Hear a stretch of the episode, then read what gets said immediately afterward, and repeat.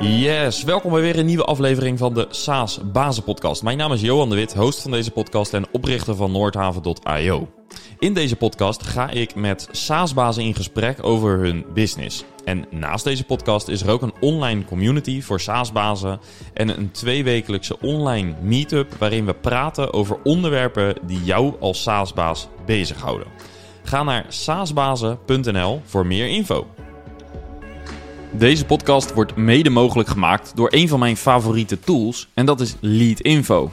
Met Leadinfo zie je welke bedrijven jouw website bezoeken. En zo herken je dus anonieme websitebezoekers en verhoog je de conversie van jouw website. Met talloze handige integraties maak je Leadinfo in een handomdraai onderdeel van je marketing en sales stack en kun je snel aan de slag om je marketing en sales een boost te geven. Je kunt Leadinfo gratis proberen. Ga daarvoor naar leadinfo.com slash saasbazen. Nog niet zo lang geleden zat Jarel Habets achter zijn bureau bij een traditionele expediteur, een bedrijf dat zorgt dat vrachtvervoer van A naar B gaat. Bedolven onder de A4'tjes, omringd door bureaus met handgeschreven notities, werkend in losse Excel-bestandjes, talloze telefoontjes, heel veel e-mailtjes. Dat was hoe het nu eenmaal werkt in die markt. Weinig digitalisering dus en veel inefficiencies. En als digital native zou je dan drie dingen kunnen doen. Optie A, de minst passende oplossing. Doorgaan met de papierwinkel en accepteren dat het nu eenmaal zo werkt. Optie B, een markt kiezen die wat meer digital mature is. Of C, zelf een digitaal platform ontwikkelen om de logistieke wereld te digitaliseren. En waar veel mensen kiezen voor optie A of B, koos Jarel voor optie C. En dat is behoorlijk gelukt, kunnen we wel zeggen. Want in slechts een paar jaar bouwde hij een platform, Shipple, dat de belofte meer dan waar maakt. Met een team van inmiddels zo'n 120 mensen zet hij de logistieke wereld behoorlijk op zijn kop. En zijn recente fundingronde van een slordige 25 miljoen laat zien dat er veel vertrouwen is in Jarel en zijn team. Hoog tijd dus om kennis te maken. Let's go! Welkom in de SaaS Bazen podcast. Dankjewel. We gaan het over Shipple hebben, jouw uh, business. Uh, maar voordat we dat doen, uh, vraag ik eigenlijk altijd om een persoonlijke introductie. Daar hadden we het net al eventjes kort over. En nou ja, je, je mag jouw eigen versie kiezen. hoe zou je okay. jezelf aan de luisteraar voor willen stellen? nou ja, Jarel Habets, 29 jaar, de oprichter en CEO van, van Shipple. Um, ik ben met name heel veel met uh, bezig. Dus ik denk dat uh, heel veel uit mijn leven ja, bestaat uit met Shipple bezig zijn of, of alles eromheen. Um, ik sport veel. ik vind het leuk om in de, in de gym te staan. Ik loop hard. sinds kort doe ik aan padel met wat vrienden af en toe. Ik heb vroeger altijd getennist, dus het gaat me wel aardig, aardig af. Um, ik hou heel veel van bordspelletjes thuis uh, met vrienden of met, uh, met familie te doen. Iedereen is ook altijd heel erg competitief. Dus ik denk dat mensen mij ook zouden omschrijven als een hele competitieve gamer, bordspel, uh, maar ook nou, mobile games en dat soort dingen. Ja. Um, probeer ik wel een beetje vanaf te blijven, want ik kan mij ook wel verslaafd aan raken. Dus, ja, en, en dus fanatiek met sporten, fanatiek met bordspellen en ook fanatiek in de business dus, hè? Ja, misschien is dat wel het kernwoord inderdaad, ja. Fanatiek gewoon in zijn algemeenheid. Ja, en uh, je zei net uh, padel. Uh, de, ik werd ook al een paar keer uitgenodigd. Ik heb ook een beetje getennist.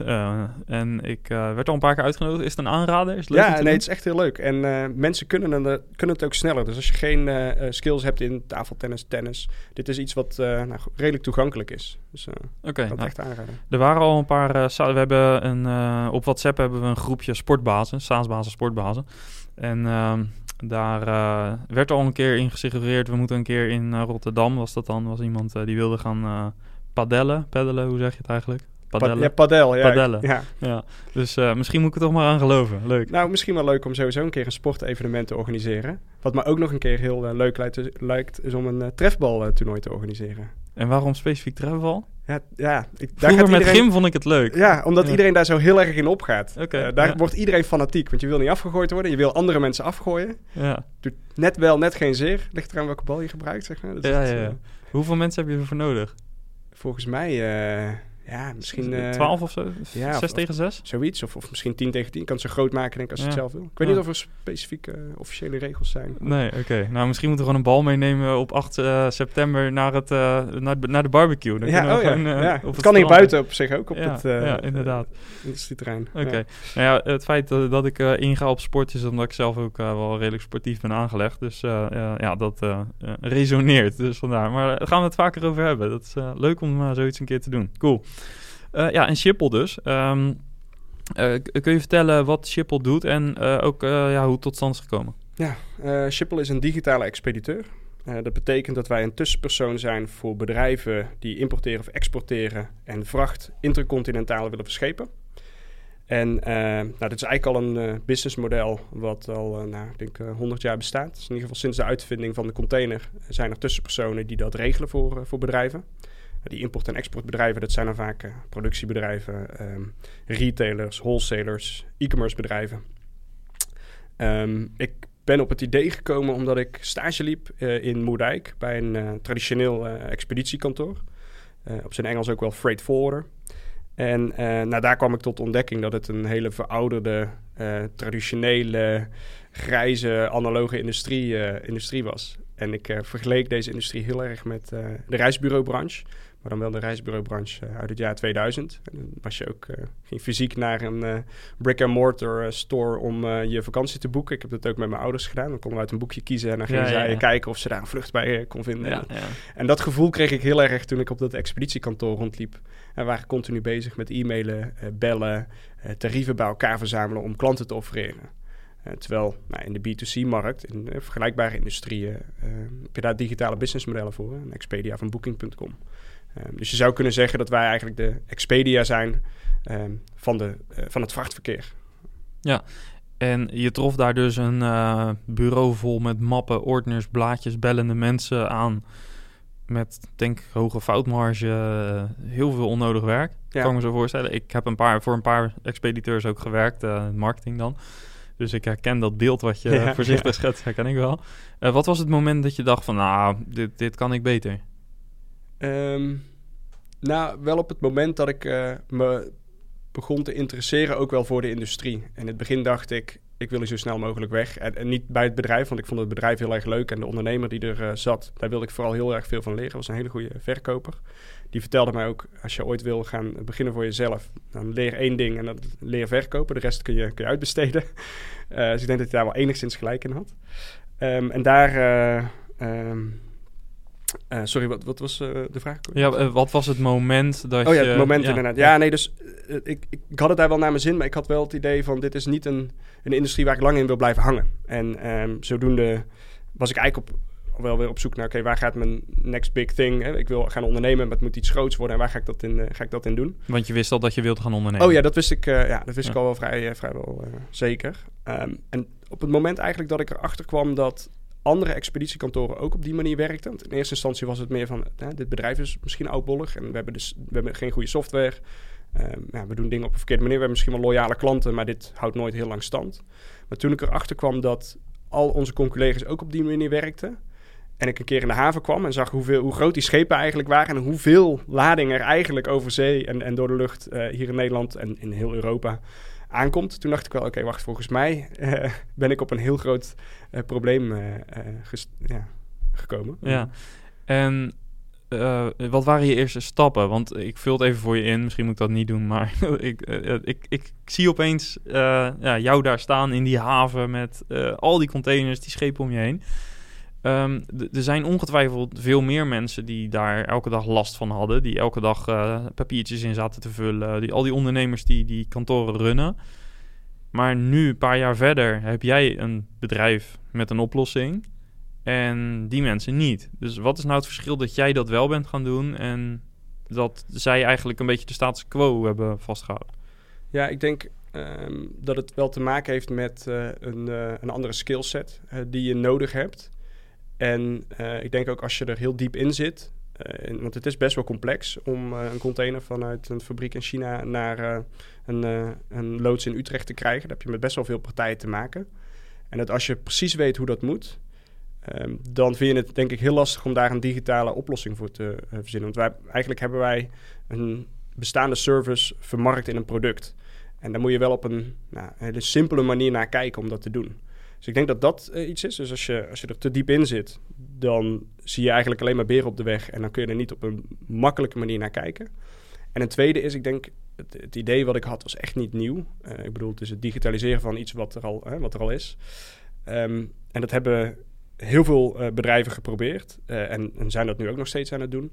Ehm, alleen dan moet je uh, andere mensen voor aannemen. Uh, dan moet je op een andere manier um, uh, je bedrijf aansturen. je moet ook dingen waar je nu veel geld aan verdient, moet je ook laten. Dus dat is ook vaak niet de juiste incentive om, om iets anders te gaan doen. Ja, dus dat je nog het, de service biedt en dat zorgt ervoor dat je rekeningen kan betalen. dan is het ook moeilijker om aan dat product te gaan werken. Ja, klopt. Ja, en, ja. en het product um, versterkt je service op heel veel vlakken maar biedt ook bepaalde transparantie uh, waar je normaliter misschien geld aan verdienen aan een klant. Op het moment dat een container uh, al in een haven is aangekomen uh, en je hebt niet de tijd om hem in te klaren en uit te leveren, kun je ook nog, als je geen product hebt, kun je nog doen alsof die nog niet is aangekomen. Die pak ik volgende week wel op. dus ja, die transparantie die hielp, die, die ons product geeft, dat helpt traditionele bedrijven ook niet per se in, in het verdienmodel wat ze hanteerden. Um, dus ja, meerdere factoren denk ik wel. Ja. En uh, kun je kort uitleggen hoe het werkt? Want je zei al van China naar Utrecht een container. Maar kan je uh, zonder al te gedetailleerd op product in te gaan, maar wat, hoe werkt jullie software precies voor de eindgebruiker? Um, ja, ik denk misschien goed om even uit te leggen hoe het in, in de traditionele wereld werkt. Is dat je een expediteur belt en hem vraagt: Ik wil deze container graag van Shanghai naar, naar Rotterdam of naar Utrecht verschepen. En dat doe je dan nou, in, in 40 e-mailtjes. want je, je je, hebt een bepaalde tijdsplanning voor ogen, dus daar, daar schrijf je over of daar bel je over. Nou, die komt terug met een offerte, met verschillende prijzen, met verschillende afvaarten. Uh, dus ontstaat eigenlijk gewoon heel veel communicatie met zo'n tussenpersoon over het uh, vervoeren van die vracht. En uh, die communicatie die vangen we eigenlijk af in een platform. Dus uh, 80% van die vragen die, uh, die, die, ontstaan eigenlijk niet meer. Omdat je, zoals je ook een vliegticket boekt, boek je bij ons uh, een, een, vrachtzending op een schip van Shanghai. Nou, uiteindelijk geleverd in Utrecht. Dus het gaat met een rederij, gaat door een haven en dat wordt ook vervoerd middels een vrachtwagen. Dus we koppelen verschillende partijen daarin. Um, en voor die 20% waar je nog wel vragen over hebt, um, en dus of er iets van de prijs af kan, bijvoorbeeld, of meer operationele vragen, die ontstaan nog wel. En die um, komen bij ons in het platform via een chat binnen. Dus we hebben een heel groot gedeelte van de service hebben wij uh, hebben vermarkt in een, in een product. Dus het maakt het een, een stuk efficiënter ook voor de, voor de klant. Uh, die zijn veel minder tijd mee kwijt. Die ellenlange e-mails die ze hebben met, met een tussenpersoon, die hebben ze niet meer. Uh, maar het maakt het ook veel inzichtelijker, het proces. Waar er voorheen nog heel veel informatie in die e-mails zat, kun je nu eigenlijk het hele proces van begin tot eind volgen. Ja. Als de logistiek manager op vakantie is, dan kan ook een, eh, een, verkoper die graag wil weten wanneer de producten in de loods uh, staan in Utrecht, die kan, uh, kan het ook inzien. Zonder te bellen. Zonder te bellen, ja. gewoon ja. vanaf zijn telefoon of vanaf zijn webbrowser. ja, top. Hoe reageerde de markt, dus bijvoorbeeld je werkgever, op dat moment, toen je zei, dit ga ik doen? Nou, ik had het al een paar keer bij hem gepitcht. En het idee was dat ik dit uh, bedrijf uh, onder zijn bedrijf zou opzetten. Dus als een soort van uh, intrapreneur binnen zijn organisatie. Zij maakten een, een paar ton winst per jaar. En daarvan zei ik, nou dat is perfect. Want dat kunnen we investeren in software developers en dan kunnen we dit gaan ontwikkelen. Ehm, ik had ook met heel veel klanten gezeten. Ik had al wat ja, slides gemaakt met, met mock-ups zelf in, in, in PowerPoint. Van dit is uh, wat ik heb. Gaaf, het is nog niet live, maar uh, zou je hier gebruik van willen maken? Dus ik had al best wel veel gevalideerd eigenlijk, zonder dat ik iets had. Ik, ik geloofde er al heel erg in. Alleen ja, op dat moment, ik was 23 geloof ik. En mijn baas uh, had een heel mooi bedrijf gebouwd. En die zei, ja, ik ga dit niet over een andere boeg gooien... omdat een, een jonge knul van 23 toevallig tien klanten heeft gesproken... en, en ze de mock-ups mooi vonden. Dus die zei, die hield de boot af. Hij, hij was wel enthousiast, maar hij hield hem wel af... En uiteindelijk uh, ja, vond ik dat ik tegen te veel muren daar aanliep in de organisatie. Dat ik zei, ik ga dit zelf doen, want ik geloof er uh, enorm in. En uiteindelijk kon hij dat heel erg waarderen en is hij ook uh, ingestapt als eerste angel. Ah, Dus, eh, cool. is, eh, oh, Tot op de dag van vandaag ook eh, nou, niet actief betrokken, maar hij zit er wel in als eh, een van de aandeelhouders. Dus oh is heel mooi. tof. Ja, mooi. Ja, dan heb je wel een gezamenlijke bron of zo. Ja, Ja, ja, heel ja, tof. Oké, cool. Ehm, en misschien ook gelijk een mooie stap naar eh, een van de dingen die ik graag met je wilde bespreken vandaag. Eh, jullie groei. Jullie zijn fors gegroeid in eh, de afgelopen jaren. Eh, kan je ons een beetje schetsen waar jullie nu staan qua omzet of aantal klanten? Ja, ehm, ja, we zijn dus ook eh, nou, vooral heel hard organisch gegroeid. en eigenlijk sinds vorige maand hebben we ook een overname gedaan. Dus zijn we dit jaar eigenlijk nog veel harder gegroeid als je die overname er ook bij optelt. Ehm, we komen nu uit op zo'n eh, 140 eh, miljoen omzet dit jaar. Topline omzet is dat dan wel. Wat door het platform gaat. Wat, door het, pla- wat wel door het platform loopt. En dan is de bruto marge daar ongeveer eh 5 tot 10 procent van op dit moment. Ehm, en we zitten met, eh, wat zal het zijn, 125 man eh, personeel. Eh, verspreid die overname. over... na de overname ook Ja. wel. Voor, voor een heel groot gedeelte wel in Rotterdam. Ik denk met ongeveer 80 mensen in Rotterdam. eh 20 in, in Amsterdam. En de rest verspreid over Oekraïne, Rusland, de Filipijnen, ehm, Costa Rica. eigenlijk op heel veel plekken waar dan met name de developers zitten. Ja. En, en hoe heb je dat opgezet? Eh, die verschillende offices, eh, heb je dat zelf opgezet of zit dat in die overname? Komt dat in die overname mee?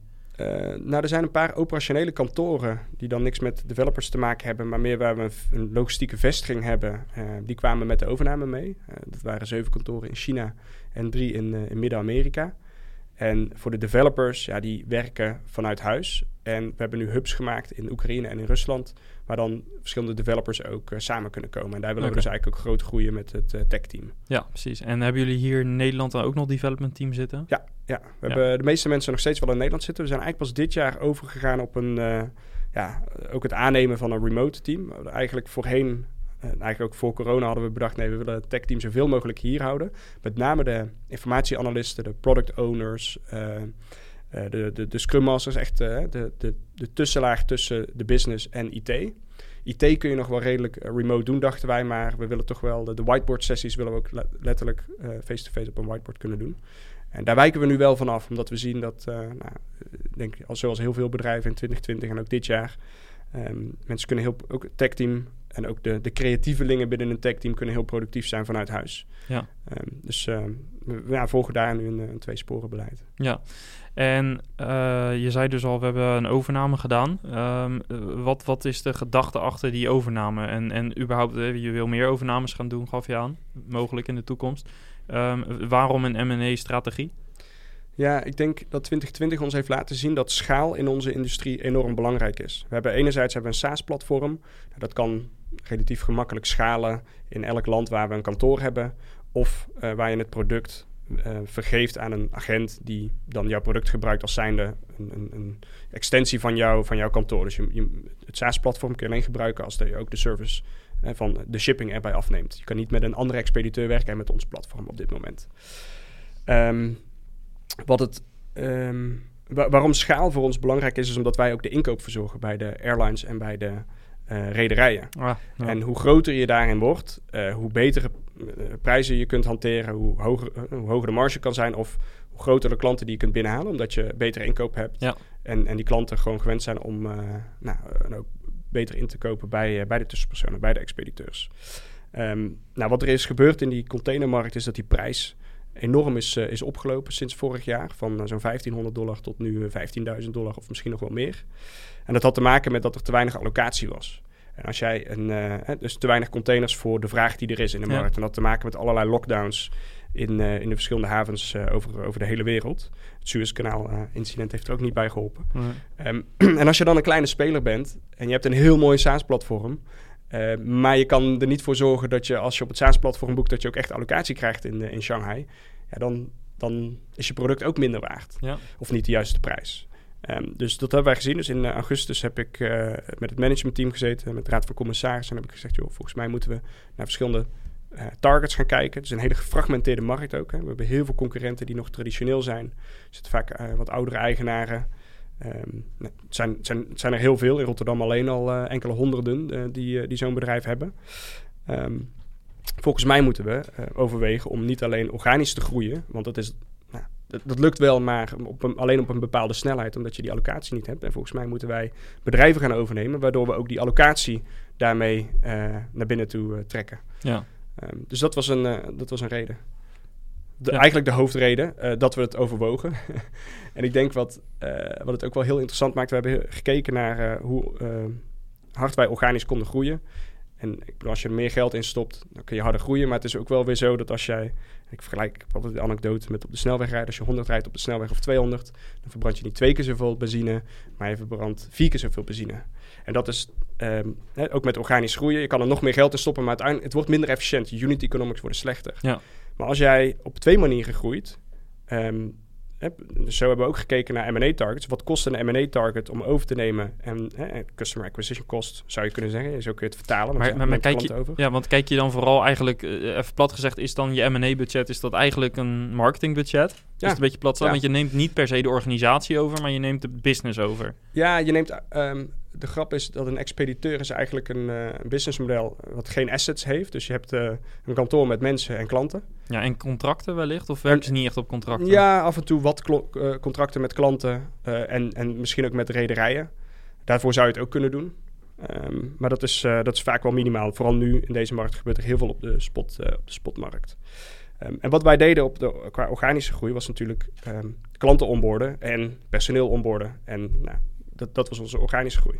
Als je dan kijkt naar, als je een bedrijf kan overnemen, dat je daarmee meteen 40 hopelijk goede werknemers onboord en 400 klanten, dan wijkt dat niet heel veel af van je organische groeistrategie. Het is alleen ja, een, een andere manier van executie. Eh, het is ineens veel groter, het is ineens een bulk. Ja. En daar moet je op een andere manier mee omgaan. Maar organisatorisch is het wel een groot verschil, denk ik. Hè? Want eh, in plaats van 40 mensen uit een andere cultuur versus elke maand vijf mensen, eh, eh, zeg maar, die je uit verschillende windhoeken laat invliegen. Dat kan een andere Ja. dynamiek zijn, denk ja. ik. Ja, dus enerzijds kijk je natuurlijk naar eh, hoe een eh, bedrijf er financieel voor staat en wat voor klanten ze hebben.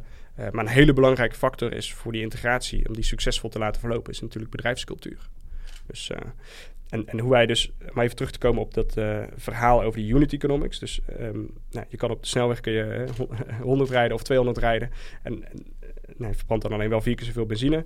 Maar door ook een overnamestrategie ehm, daaraan toe te voegen, zo zie ik dat altijd, dan, ehm, plaats je eigenlijk ook een elektromotor in je auto.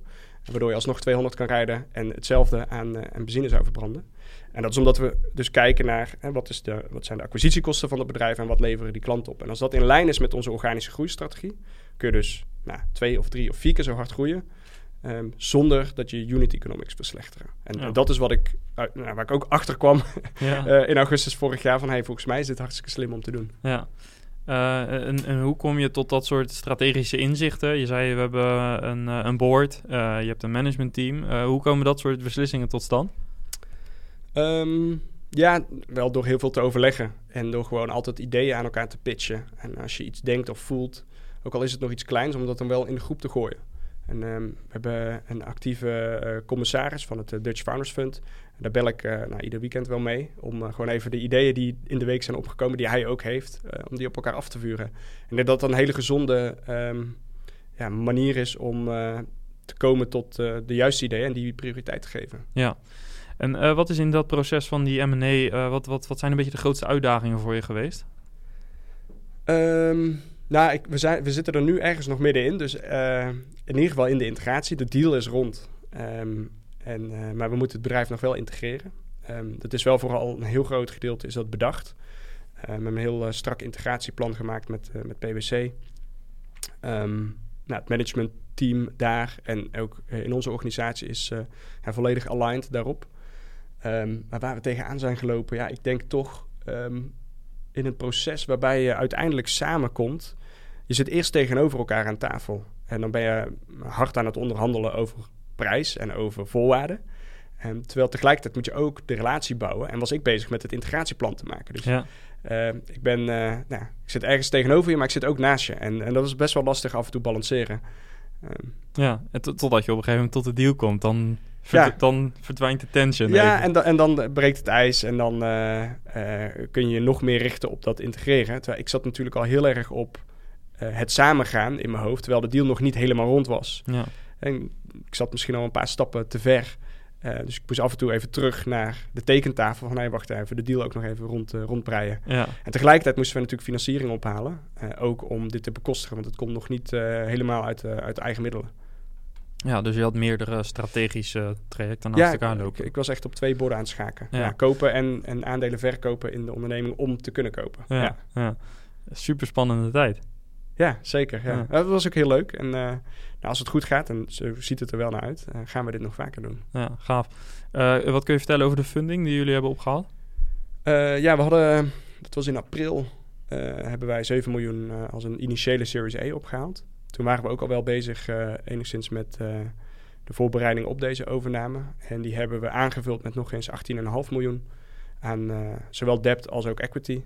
Om nou, enerzijds de overname te financieren, dus echt voor de groei. Maar ook voor de sales en marketing, ook om organisch goed te blijven groeien. Ja, dus je blijft die twee motoren... Ja, zeker. Ja, ja, ja. Ehm, en ehm, daarnaast om het eh, techteam flink uit te breiden. We zitten nu met 25 man. Dat moet eh, eigenlijk ZSM naar 50. Ja, toen kwamen we er ook achter, dat gaat niet lukken in Rotterdam. Je kan niet iedereen eh, eh, vanuit de, hele wereld hier naartoe vliegen. Of dat kan wel, maar dat, dan, dan heb je een kleinere markt waaruit je vist. Ehm, zeker als je nou, ook zegt van je kan ook remote werken, dan, dan kun je echt iedereen aanspreken. Dus kun je echt het talent overal vandaan halen. Ja. Dus vandaar hebben we gezegd, we gaan ook remote. Ja, ja. En nou, als je nu kijkt naar wat je nu hebt staan en toen je het idee een paar jaar geleden had, eh, had je, komen je verwachtingen een beetje uit of eh, zitten er verrassingen in het proces? Eh, dan moet ik ja, oppassen dat het niet heel arrogant klinkt. Maar ik zeg altijd wel van, dit was wel het plan. maar we zijn natuurlijk al super blij en trots dat het dan ook echt lukt. Ja, dus had ik dit verwacht? Nee. Was het het plan? Ja. ja, het was wel het plan. Ja. Ik, ja, ik denk ook zelfs dat we nog wel ambitieuzere ideeën en plannen hadden. Eh, daar komt vaak bij mij de helft maar van waar. En, en dan nog eh, doe je het eh, prima. Dus ja. nee. ja. En over een paar jaar, wat, wa- waar, waar gaan we Schiphol zien? Eh, nou ja, het is misschien een beetje een eh, stoute jongensdroom, maar ik zou het wel heel gaaf vinden om naar de beurs eh, te gaan. Dus dat je eh, de tracker van, van je eigen bedrijf eh, ergens voorbij ziet Ja, komen. ja, ja. Nee, dus, ehm, maar dat is natuurlijk een, een, is niet echt een doel op zich. Ik denk, ehm, waarvoor we Schiphol hebben opgericht, is om eh, ehm, nou, die handel te vergemakkelijken. En een expediteur, eh, die branche die ertussenin zit, die, die, die maakt het de ondernemers niet eh, heel veel gemakkelijker om aan, aan wereldhandel te doen. Ehm, en ik denk dat wij als bedrijf gewoon impact willen maken. eh, het liefst wereldwijd. Dus ik, eh, zou het heel gaaf vinden als eh, straks op ieder continent eh, je met de Schiphol-app kan werken om handel te doen met andere ondernemers die je nou, nog nooit hebt gezien of gesproken. Want Ja. dat vind ik ook zo gaaf aan deze industrie. Er gaan gewoon containers heen en weer van mensen die elkaar nog nooit hebben gezien of gesproken. Er is misschien een kwaliteitscontrole geweest op een product. En dan gaat het gewoon voor honderdduizenden euro's gaat er, eh, gaat er de wereld over. ja. Ja, en als wij daar een, eh, een klein onderdeel van mogen zijn eh, met onze webapplicatie, eh, Ja. super gaaf. Ja, fantastisch. Mooie, mooie impact wat dat betreft. Ja. Ehm, je zei net, zo, dat is een redelijk specifiek marketingvraagstuk. Ik vind altijd wel even interessant. Eh, eh, jullie customer acquisition cost, want zo keek je eigenlijk ook een beetje de, verhouding tussen eh, LTV en customer acquisition cost. Zo kijk je ook naar je, je metrics op marketing sales. Ehm, ook bij de overname. Ehm, wat voor metrics vind jij nog meer binnen jouw model belangrijk? Want het is niet alleen SaaS natuurlijk. Jullie hebben SaaS plus, nou ja, hoe noem je het? Transactionele fees, denk ik. Ja. Eh, wat voor metrics zijn binnen jouw bedrijf belangrijk? Ja, het is inderdaad, eh, we zijn geen pure SaaS-bedrijf. Ehm, wel in die zin van, hè, je moet met het platform werken, anders, eh, ja, anders kun je met ons geen zaken. Je kan ons niet bellen en, en dan een container boeken en dan niet in het platform werken. Zo, zo werkt het niet. Ehm, om, als je een container boekt, dan betaal je eigenlijk pas per container. En daar zit dan een ja, kostprijs plus markup in verwerkt. Dus onze marge zit in de prijs die afrekent via het platform. Dat betekent ook dat het transactioneel is. Dus je kan met een traditionele partij kun je een container boeken en dan eh, de volgende kun je die met ons boeken. Ehm, dus wat voor ons heel erg belangrijk is, is eh, wat is onze verdiencapaciteit per transactie? En die kan omhoog naarmate je meer services aanbiedt. Ehm, En en wat ook, zou dat kunnen zijn? Wat voor services bijvoorbeeld? Eh, moet ik dan heel simpel denken aan track and trace en dat soort dingen? Of? Ehm, ja, dus dat zijn heel veel services die je er eigenlijk als ja, gratis bij krijgt, omdat je het platform gebruikt. Maar je zou wel kunnen denken aan eh, ehm, gemakkelijk ehm, vracht in Azië consolideren. Dus als je een paar pallets hebt in, eh, van de ene fabriek en een paar pallets van de andere fabriek, kun je bij ons in de app dat heel makkelijk consolideren. Nou, die, dat gemak van dat doen in de app in plaats van op allerlei andere lastige manieren, daar kunnen we meer prijs voor vragen. Eh, dat is dan nog wel echt een logistieke aanverwante service. Maar wat we ook ehm, op dit moment doen, is eh, dat we vracht financieren van klanten. Ehm, klanten hebben vaak een, eh, een rekening courant of, of eigen liquide middelen waarmee ze producten kopen in bijvoorbeeld Azië. Ehm, maar wij hebben nu een manier gevonden waarop eh, banken dat willen financieren. Omdat wij die producten, nou, vanaf dat het in de container gaat, in beheer hebben. Ja. En dan is het een soort eh, onderpand voor de bank. En dat is dan minder risicovol, Ja. dus goedkoop lenen.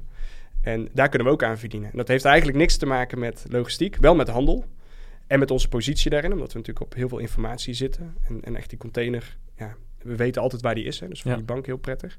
Dus dat zijn manieren om uiteindelijk de, de marge per transactie te verhogen. En, en uiteindelijk schaal ook. Hè. Dus als je drie keer zo groot bent, dan kun je weer een paar tientjes meer verdienen op iedere transactie. Ja, precies. Ook omdat je dus eh, andere inkoopprijzen en dergelijke hebt. Precies, Ja, ja. gaaf. Mogelijkheden eindeloos, ook om aan je businessmodel te sleutelen dus. Ja, en we hadden het ook weer heel ma- lastig gemaakt, want dan moet je dus echt gaan prioritiseren. Wat Ja. gaan we doen? Want je wil eigenlijk alles doen, maar Ja. dat gaat niet. Ja. Maar hoe doe je dat? Ehm, Heb je daar een soort van decision filter of zo voor? Of? Nou, ik, ik denk dat we voorheen waren we intuïtief en ondernemend en ehm, op basis van common sense. Uh, nu is de organisatie een heel stuk groter. Ehm, hebben we veel meer data en kijken we echt, maken we echt business cases. Ja. Eh, en eh, en eh, proberen we te modelleren wat iets doet. En, eh, en valideren we dat in de markt. En, eh, dus we zijn daar nu wel eh, nou, bijna wetenschappelijk mee bezig. Ja. eh. en eh, dat, ja, dat is ook wel de professionaliseringsslag die je moet maken, denk ik, als je die schaal gaat krijgen. En waar voel jij, in wel, welke water voel jij eh, als SaaS-baas comfortabeler? Dat hele ondernemende in het begin of meer het professionelere waar je nu dan in terecht komt? Ik denk dat ik nu nog steeds wel op het hele ondernemende zit. Ik wil graag snel en ik ben heel ongeduldig.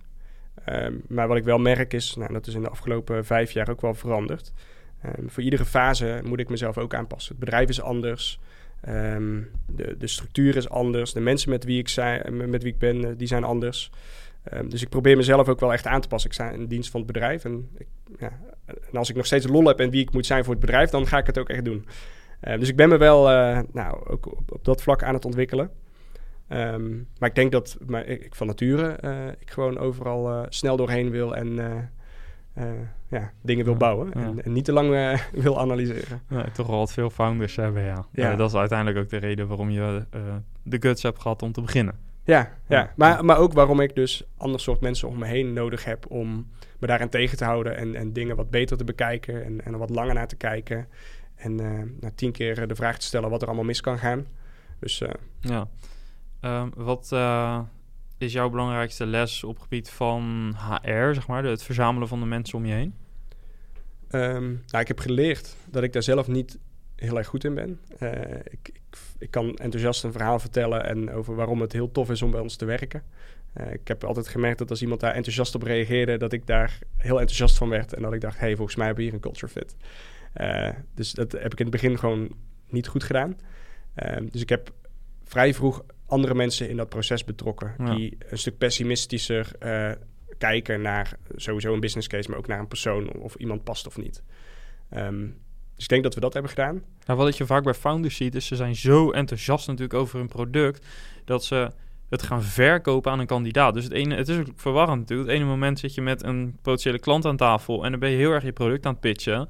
En het andere moment, uh, uh, dat is per, niet per se de beste manier om te verkopen, denk ik. Alleen maar pitchen, pitchen, pitchen. Maar dat is wel een beetje natuurlijk wat je, ja, wat je rol ook vraagt op zo'n moment. Ja. En wat ik vaak zie is dat er dan ook uh, naar kandidaten bijna gepitcht wordt van je moet hier komen werken. Terwijl, maar dat is nu ook nog steeds wel een beetje mijn rol in het proces. Dus als we, we zijn nu bijvoorbeeld bezig met een uh, CFO. We hebben laatst een VP marketing aangenomen en we zijn ook nog bezig met een CPO. Um, dus ik word wel ingezet en ik zet mezelf ook in in dat proces om in ieder geval die voor kandidaat... dat gedeelte. Voor dat gedeelte die kandidaat heel enthousiast te krijgen.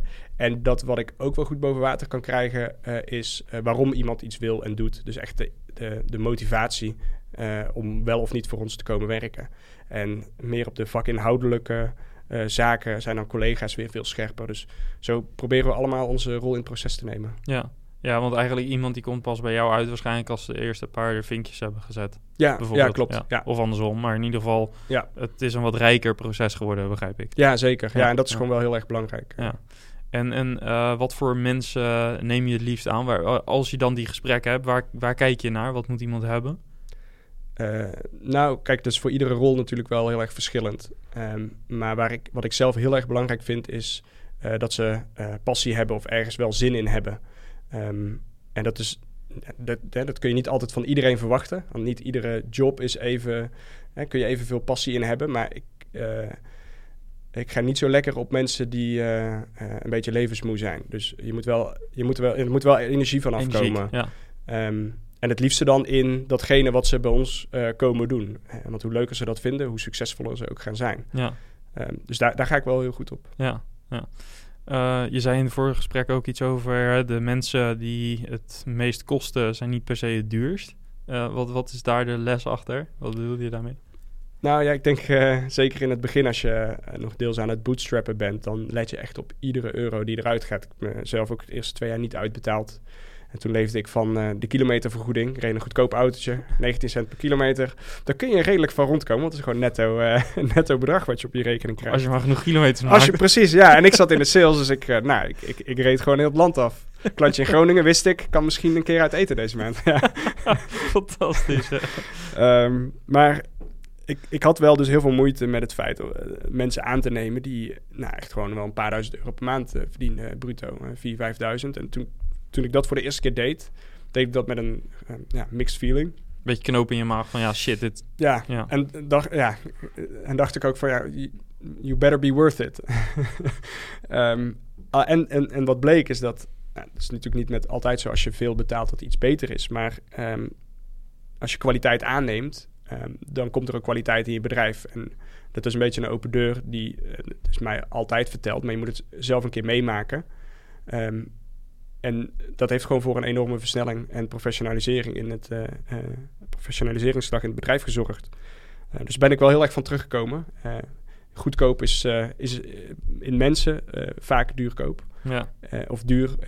of, ja, is een waardeoordeel en, en iets kost veel geld, maar hoeft niet duur te zijn. Zo, Ja. dat heb ik eigenlijk geleerd. Ja, ja, mooi. Ja, en dat zijn ook denk ik echt dingen die je pas leert als je het zelf...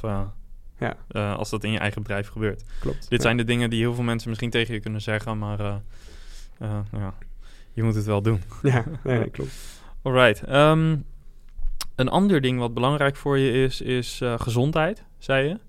Um, ja, vertel, waarom is het belangrijk? Is het een moment geweest dat je uh, daar misschien minder aandacht voor had? Of... Ja, ik heb wel momenten gehad, zeker na die eerste twee jaar. Mezelf wel echt opgeofferd. Uh, geen salaris, uh, weekenden doorwerken, s'avonds doorwerken. Nou, als je uh, 24, 25 bent en je bent fit, dan kun je dat wel twee jaar volhouden. Maar uiteindelijk merkte ik wel um, dat het met mijn gezondheid minder goed ging. Ik kreeg wel eens hartritme, uh, hartkloppingen en dat soort dingen. Terwijl ja, als je, hoe was ik toen, 27, 28 bent, ja dan... Dat, is, dat, hoort niet bij je leeftijd. Dan heb je blijkbaar een te stressvol leven of dan uh, doe je te weinig aan ontspanning. Dus ik ben er wel redelijk van teruggekomen. Van uh, hè, alleen maar werken en, en, nu ook veel meer ontspannen. En ik ben ook veel bewuster gaan leven. Um, ook daarin ben ik misschien wel weer een beetje in doorgeslagen. Want ik ben uiteindelijk heel veel over mezelf uh, en over mijn lichaam gaan meten. Met verschillende gadgets en dingen. en gaan opschrijven om ja, ook weer uh, een soort gamification van je eigen lichaam. Uh, dus, dus je had naast je bord met je churn ratio's en je MRR, had je een bordje met je vetpercentage, je hartklop, uh, je, je hartritme, dat soort dingen. Ja, en, en bepaald eten waar mijn, mijn insulinespiegel niet goed op ging, waardoor ik dus weer meer moe uiteindelijk raakte van dat Ja. eten. En ja, het ging, ging uiteindelijk best wel ver. En ik heb er heel veel van geleerd. Ik heb die dingen ook wel weer losgelaten en ik heb, het zit nu een beetje standaard in mijn ja, in mijn routine. Um, dus uh, nee, gezondheid, ik, ik, ja. ja. Maar het zegt wel iets over je, dat je overal onderin gaat. Ja, ja, dat denk ik wel. Ja, ja. ja. En uh, uh, hoe ziet je routine er nu dan uit? Want uh, je hebt een hele drukke tijd achter de rug met de investeringsrondes, met overname en überhaupt, terwijl je dat doet, gaat de business überhaupt natuurlijk zelf ook door. Um, maar hoe, ja, hoe balance je dat? Um, ja, ik denk dat dat. Ik heb inmiddels geaccepteerd dat dat, uh, dat balanceren is gewoon een live act. Dat blijf je je hele leven doen. Uh, en dat heeft. Soms ben je heel gedisciplineerd en gemotiveerd. En dan doe je alles exact zoals dat je had gepland in die week. En soms moet je het loslaten, want je hebt die ontspanning nodig. Want je moet creatief zijn. Uh, of je hebt andere de, je hebt, je hebt brandjes te plussen die op je bord liggen. En dan kun je je niet aan een bepaalde routine houden. Dus ik heb wel een, een bepaalde basisroutine en bepaalde dingen die ik standaard in mijn, in mijn week wil hebben. En dat is dan uh, uh, drie keer naar de sportschool, één of twee keer hardlopen. Um, ik, douche nu bijvoorbeeld koud af. Uh, dat zijn allemaal dingen waarvan ik weet die me gaan helpen. Dus ik probeer die basis probeer ik een beetje in te houden.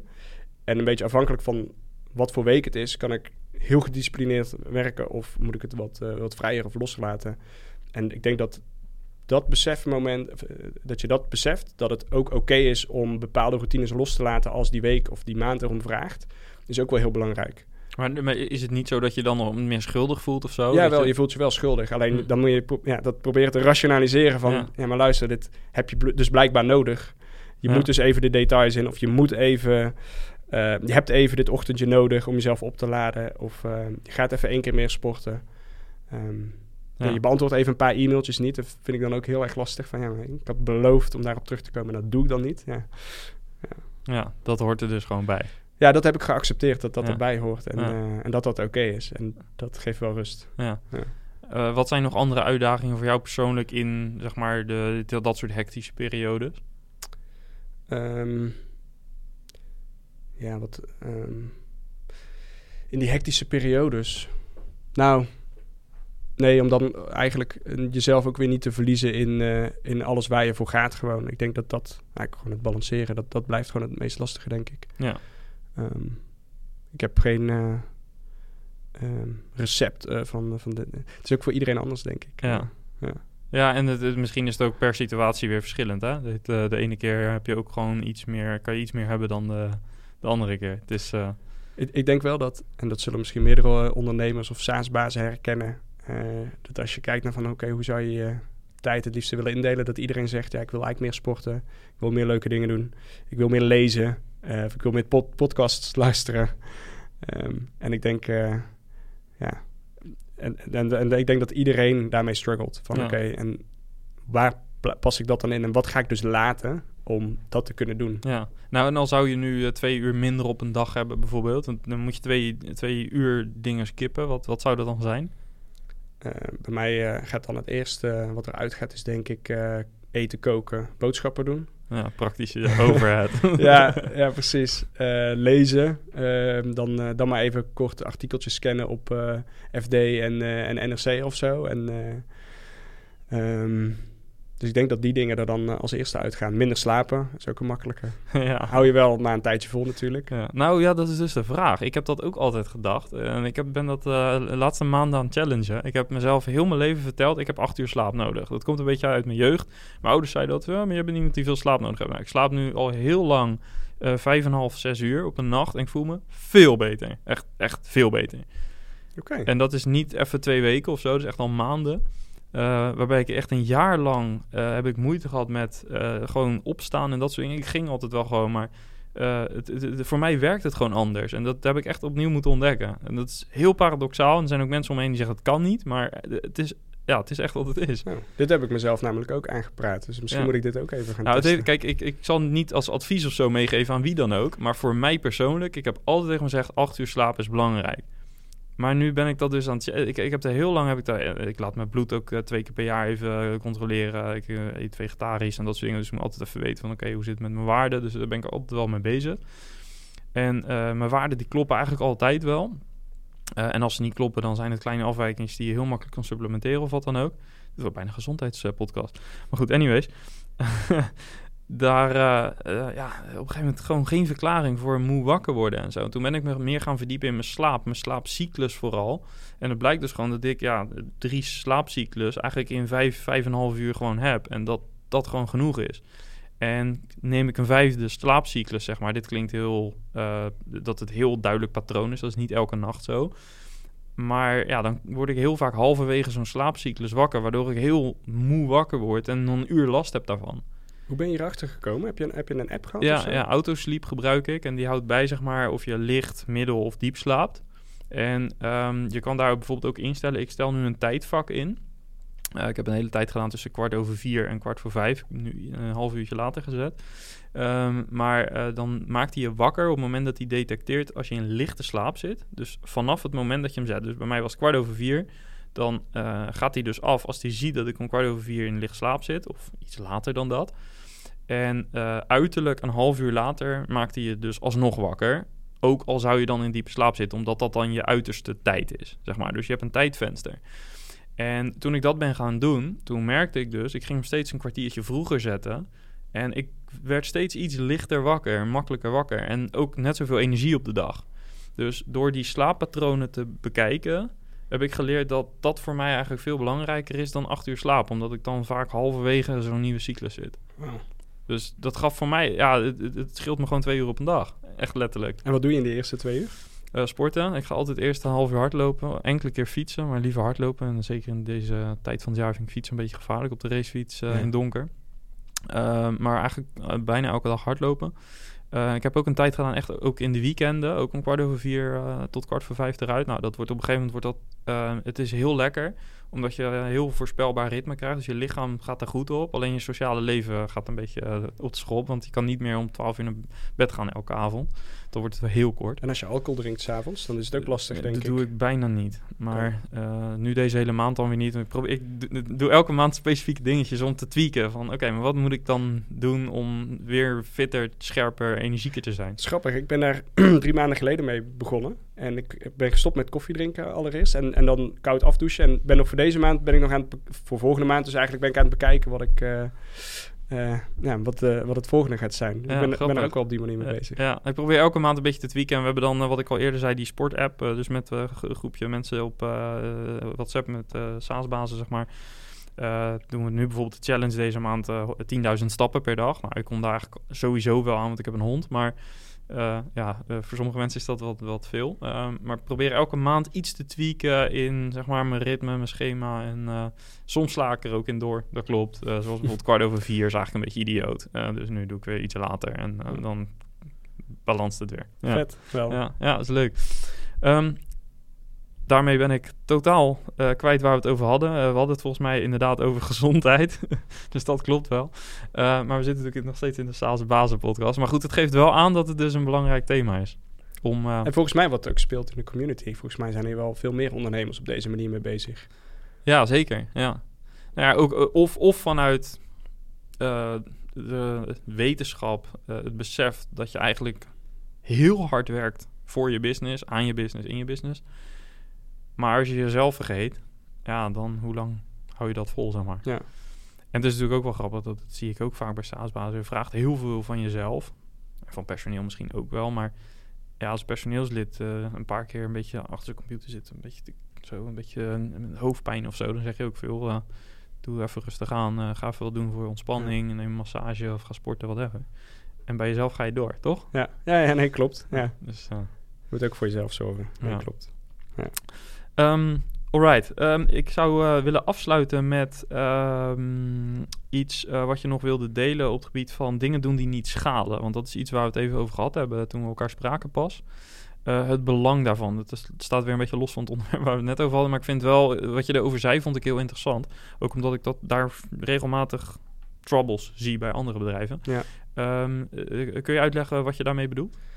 Ja, en ik denk dat het bij ons ook uit noodzaak is geboren. Eh, we hadden niet, we hebben sowieso niet heel veel gebruikers. Als wij een grote klant binnenhalen, dan zijn er twee of drie gebruikers op het platform. Dus om daar eh, nou, allerlei analyses over los te laten, over hoe ze dat platform gebruiken. Ja, dat, dat kan wel, maar het blijven altijd kleine getallen. Ehm, en eh, hadden in het begin natuurlijk ook een product wat nog totaal niet af was. En dat had een beetje product market fit op een paar features, maar ook op heel veel niet. En ik denk wat ons heel erg heeft geholpen, is dat ik ehm, in die salesgesprekken die ik had met klanten, ook af en toe gewoon een paar uur bleef hangen om te kijken ehm, hoe zij ons product gebruikten. En als ze dat niet deden, waarmee we concurreerden. En dan had ik het niet zozeer over een, eh, een ander SaaS-platform, eh, maar over eh, gebruiken ze Excel of hebben ze een notitieblokje voor zich. Ja. Hangen ze nog heel vaak aan de telefoon, toch? Of hoe ziet hun dag eruit? En dat klinkt niet heel schaalbaar als je dat bij heel veel klanten gaat zitten doen. Eh, maar je komt wel tot hele belangrijke inzichten. Dus we hebben er qua productontwikkeling heel veel aan gehad om heel veel tijd te spenderen met klanten. Dus heel veel dingen te doen die niet schalen, maar uiteindelijk wel je product eh, heel veel sterker maken. Ehm, dus ja, die, ik weet niet of dat dan een advies is. Dat zal ook voor heel veel bedrijven weer anders zijn. Ik denk voor een, eh, een B2C ehm, ja, is dat misschien wat lastiger. Maar het heeft ons in ieder geval in, in de B2B heel erg geholpen. Ja, om te valideren dus en om het product goed te maken. Ja, ja, Ja. precies. Ja, en, en, maar ook echt te kijken, en niet alleen naar hoe ze het product gebruiken, maar Oké, je komt binnen. Wat ga je doen? Echt, Ja. echt even helemaal meelopen door de ogen van de klant. eh, hoe, hoe die dag eruit ziet. Ja. Eh, en, en wat de frustraties zijn. Van, van het koffiezetapparaat tot, eh, tot de krakende telefoon, bij wijze van spreken. En ook de dingen die op het oog misschien niet relevant lijken, die kunnen wel bepalend zijn voor hoe ze de gebruikerservaring Ja, uiteindelijk, zeker. hoe dat eruit ziet. Ja. Ja, want als je een, een klant vraagt om ja, eh, een toelichting. Klanten proberen ook eh, vaak heel, heel snel oplossingen aan te dragen. Terwijl je wil eigenlijk weten wat hun problemen zijn. En dat, ja, ik denk dat heel veel mensen die binnen SaaS-producten werken, dit wel herkennen. Dat het echt de kunst is om naar de problemen te zoeken in plaats van naar, naar oplossingen. Ja, Ehm, en het, het hielp gewoon heel erg om, om echt naast de klant te zitten, echt letterlijk. ja, ja. Alles eh, leren en opnemen wat eh, relevant is. Ja. Ja, top.